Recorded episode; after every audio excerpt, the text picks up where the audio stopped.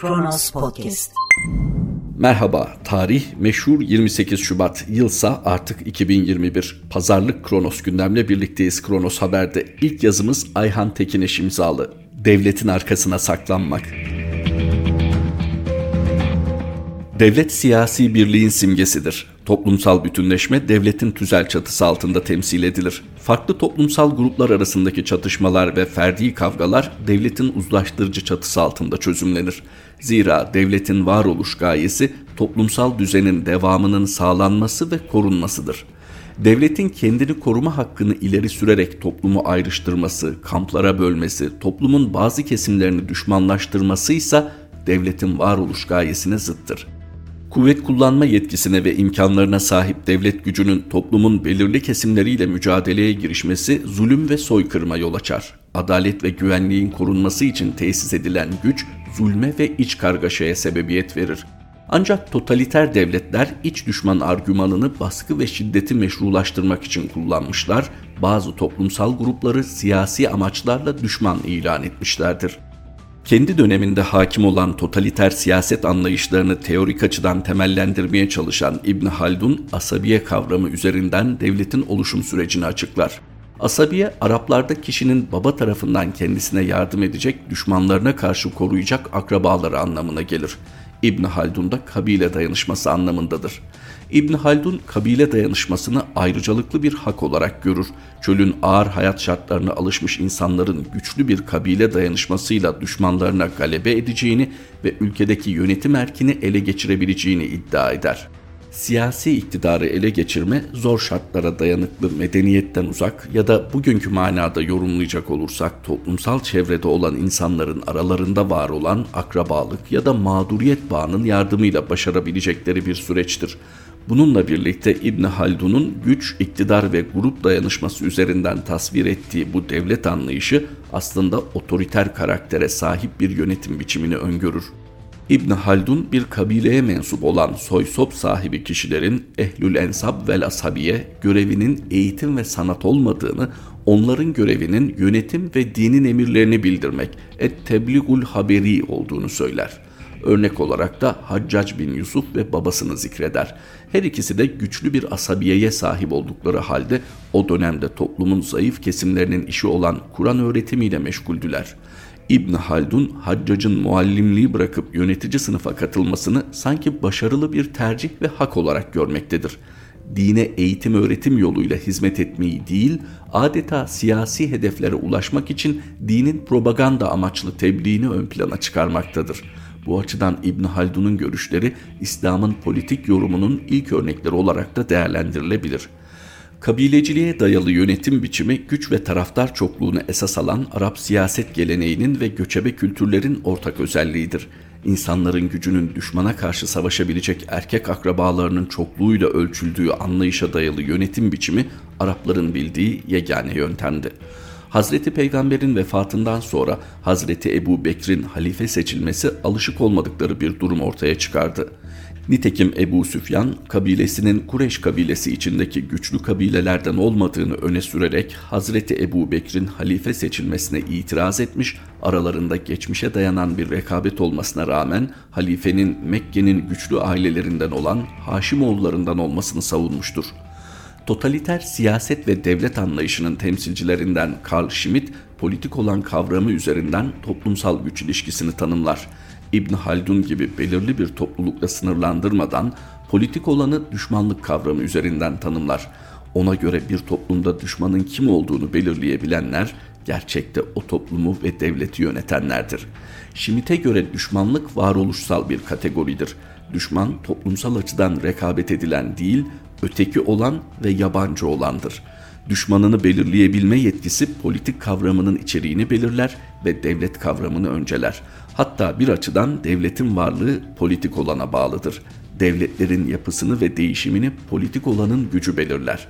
Bu teori İbn Haldun'un asabiye teorisi gibi düşman belirlediği kişi ya da gruplara karşı politik bir duruşu simgeler. Bir başka ifadeyle kendini düşmanı üzerinden tanımlar açıkça ifade edilmemiş olsa da belirli bir yönetici sınıfı ve onların politik karar alma gücünün önemini vurgular.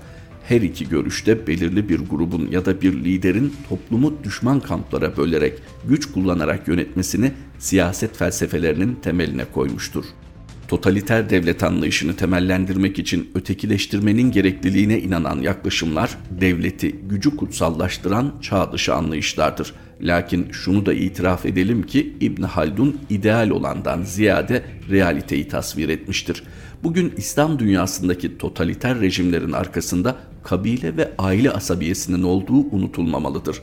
Asabiye olgusu hala etkinliğini sürdürmekte ve siyaseti şekillendirmektedir medenileşemeyen ve çoğulcu bir yönetim modeli geliştiremeyen toplumların kabilecilik anlayışından sıyrılması oldukça zordur. Belki de Carl Schmitt'in dediği gibi düşmanlık ve ötekileştirme insanın doğasında var olan somut gerçekliklerdir. Bu sebeple o somut dost düşman kavramları üzerinden politik kavramını antropolojik bir perspektifle gerekçelendirmiştir. Bu anlayışa göre insanın olduğu yerde ayrımcılık ve ötekileştirme kaçınılmazdır. Dolayısıyla insan tabiatının bu baskıcı ve ferdiyetçi yönlerini kontrol edebilmek için yönetimin her kademesinde çoğulculuk esas alınmalıdır. Devlet toplumsal uzlaşıya dayalı bir yapıysa toplumun bütün fertlerini ayrım yapmadan temsil edebilmelidir. Şayet kurumlar devleti temsil ediyorsa bu kurumların toplumun fertleri arasında ayrımcılık yapmaması gerekir. Tüzel bir kişilik olan devlet bir kişi ya da bir grup gibi davranamaz. Düşmanlık ve dostluk kavramları ya da kabilecilik anlayışı insanlara ve sosyal gruplara ait özelliklerdir. Eğer bir devlet düşmanlık ve ötekileştirme dilini kullanıyorsa devletin arkasına birileri saklanmış demektir.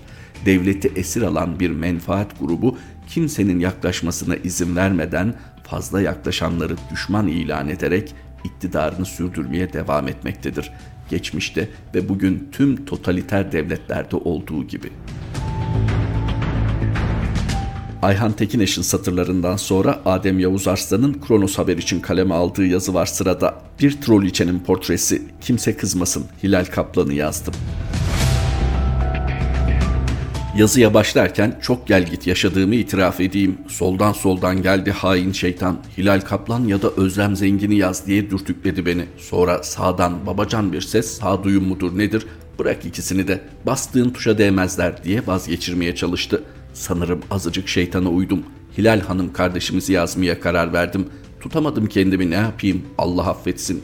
Emine Şenlikoğlu filanla başlayıp Ayşe Böhürlerle devam eden Medyacı Ablalar serinin dördüncü nesil mamülü olur kendileri. Diğerleri az çok sıkıntı gördükleri için görece de olsa bir değerleri vardır camiada.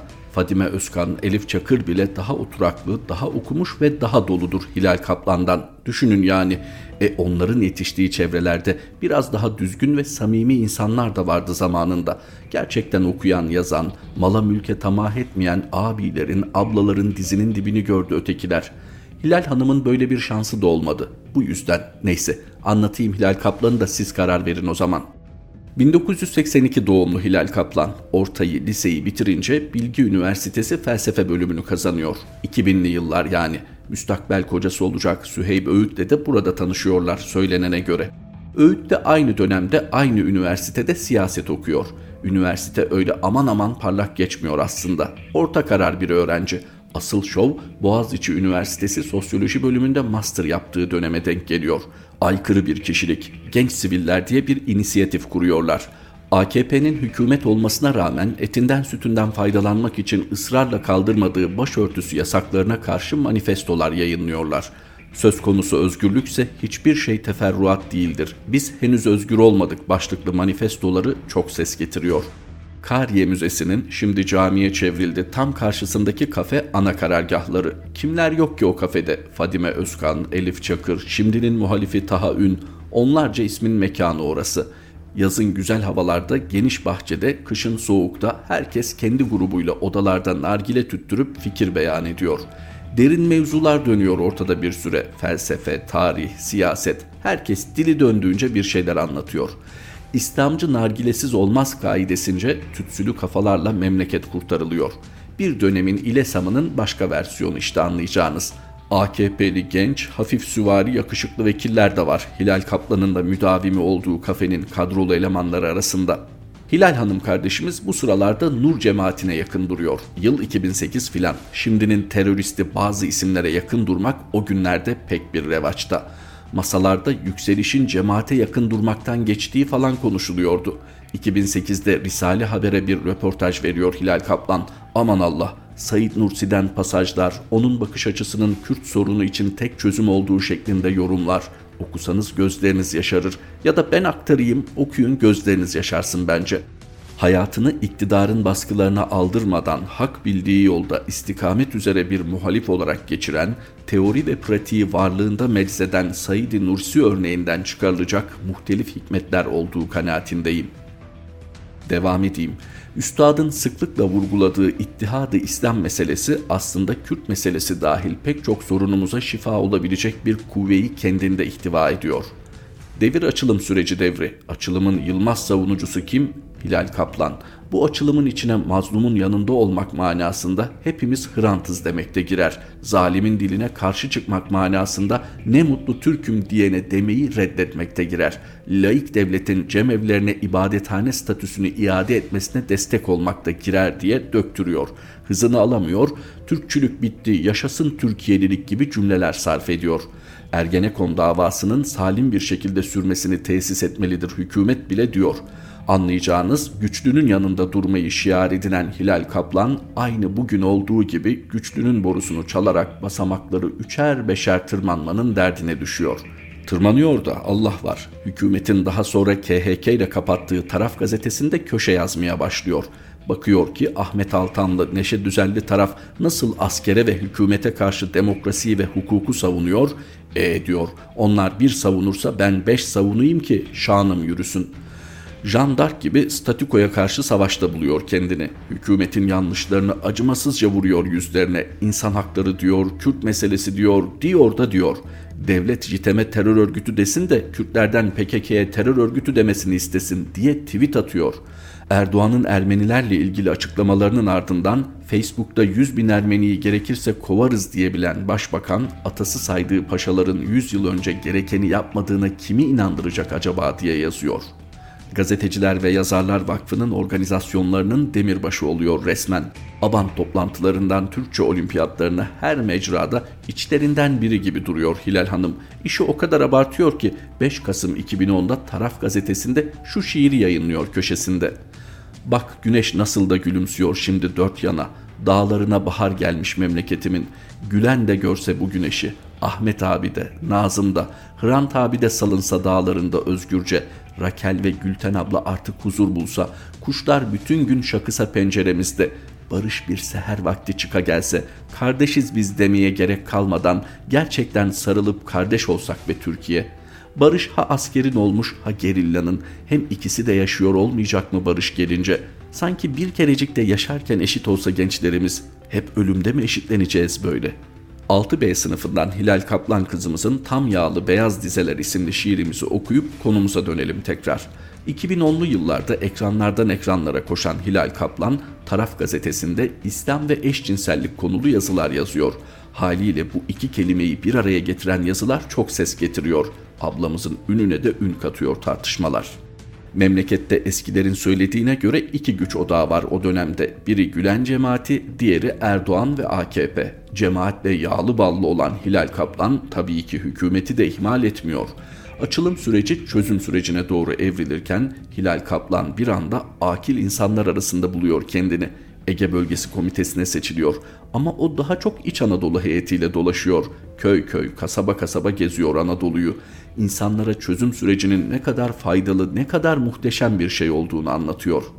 Hükümet çözüm diyor, Hilal Kaplan Öcalan yaşatmayı seçti diye tweet atıyor. Hükümet kan dökülmesin diyor, Hilal bacınız sarı kırmızı yeşil diye tweet sallıyor.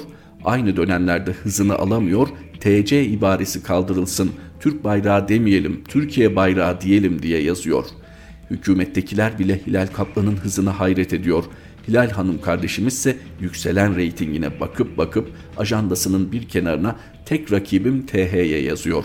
Devlet Bahçeli'ye demediğini bırakmıyor mesela o dönemde. MHP'li isimlerle çatır çatır çözüm sürecini tartışıyor. Milliyetçilik bitti, Türklük öldü diyor.''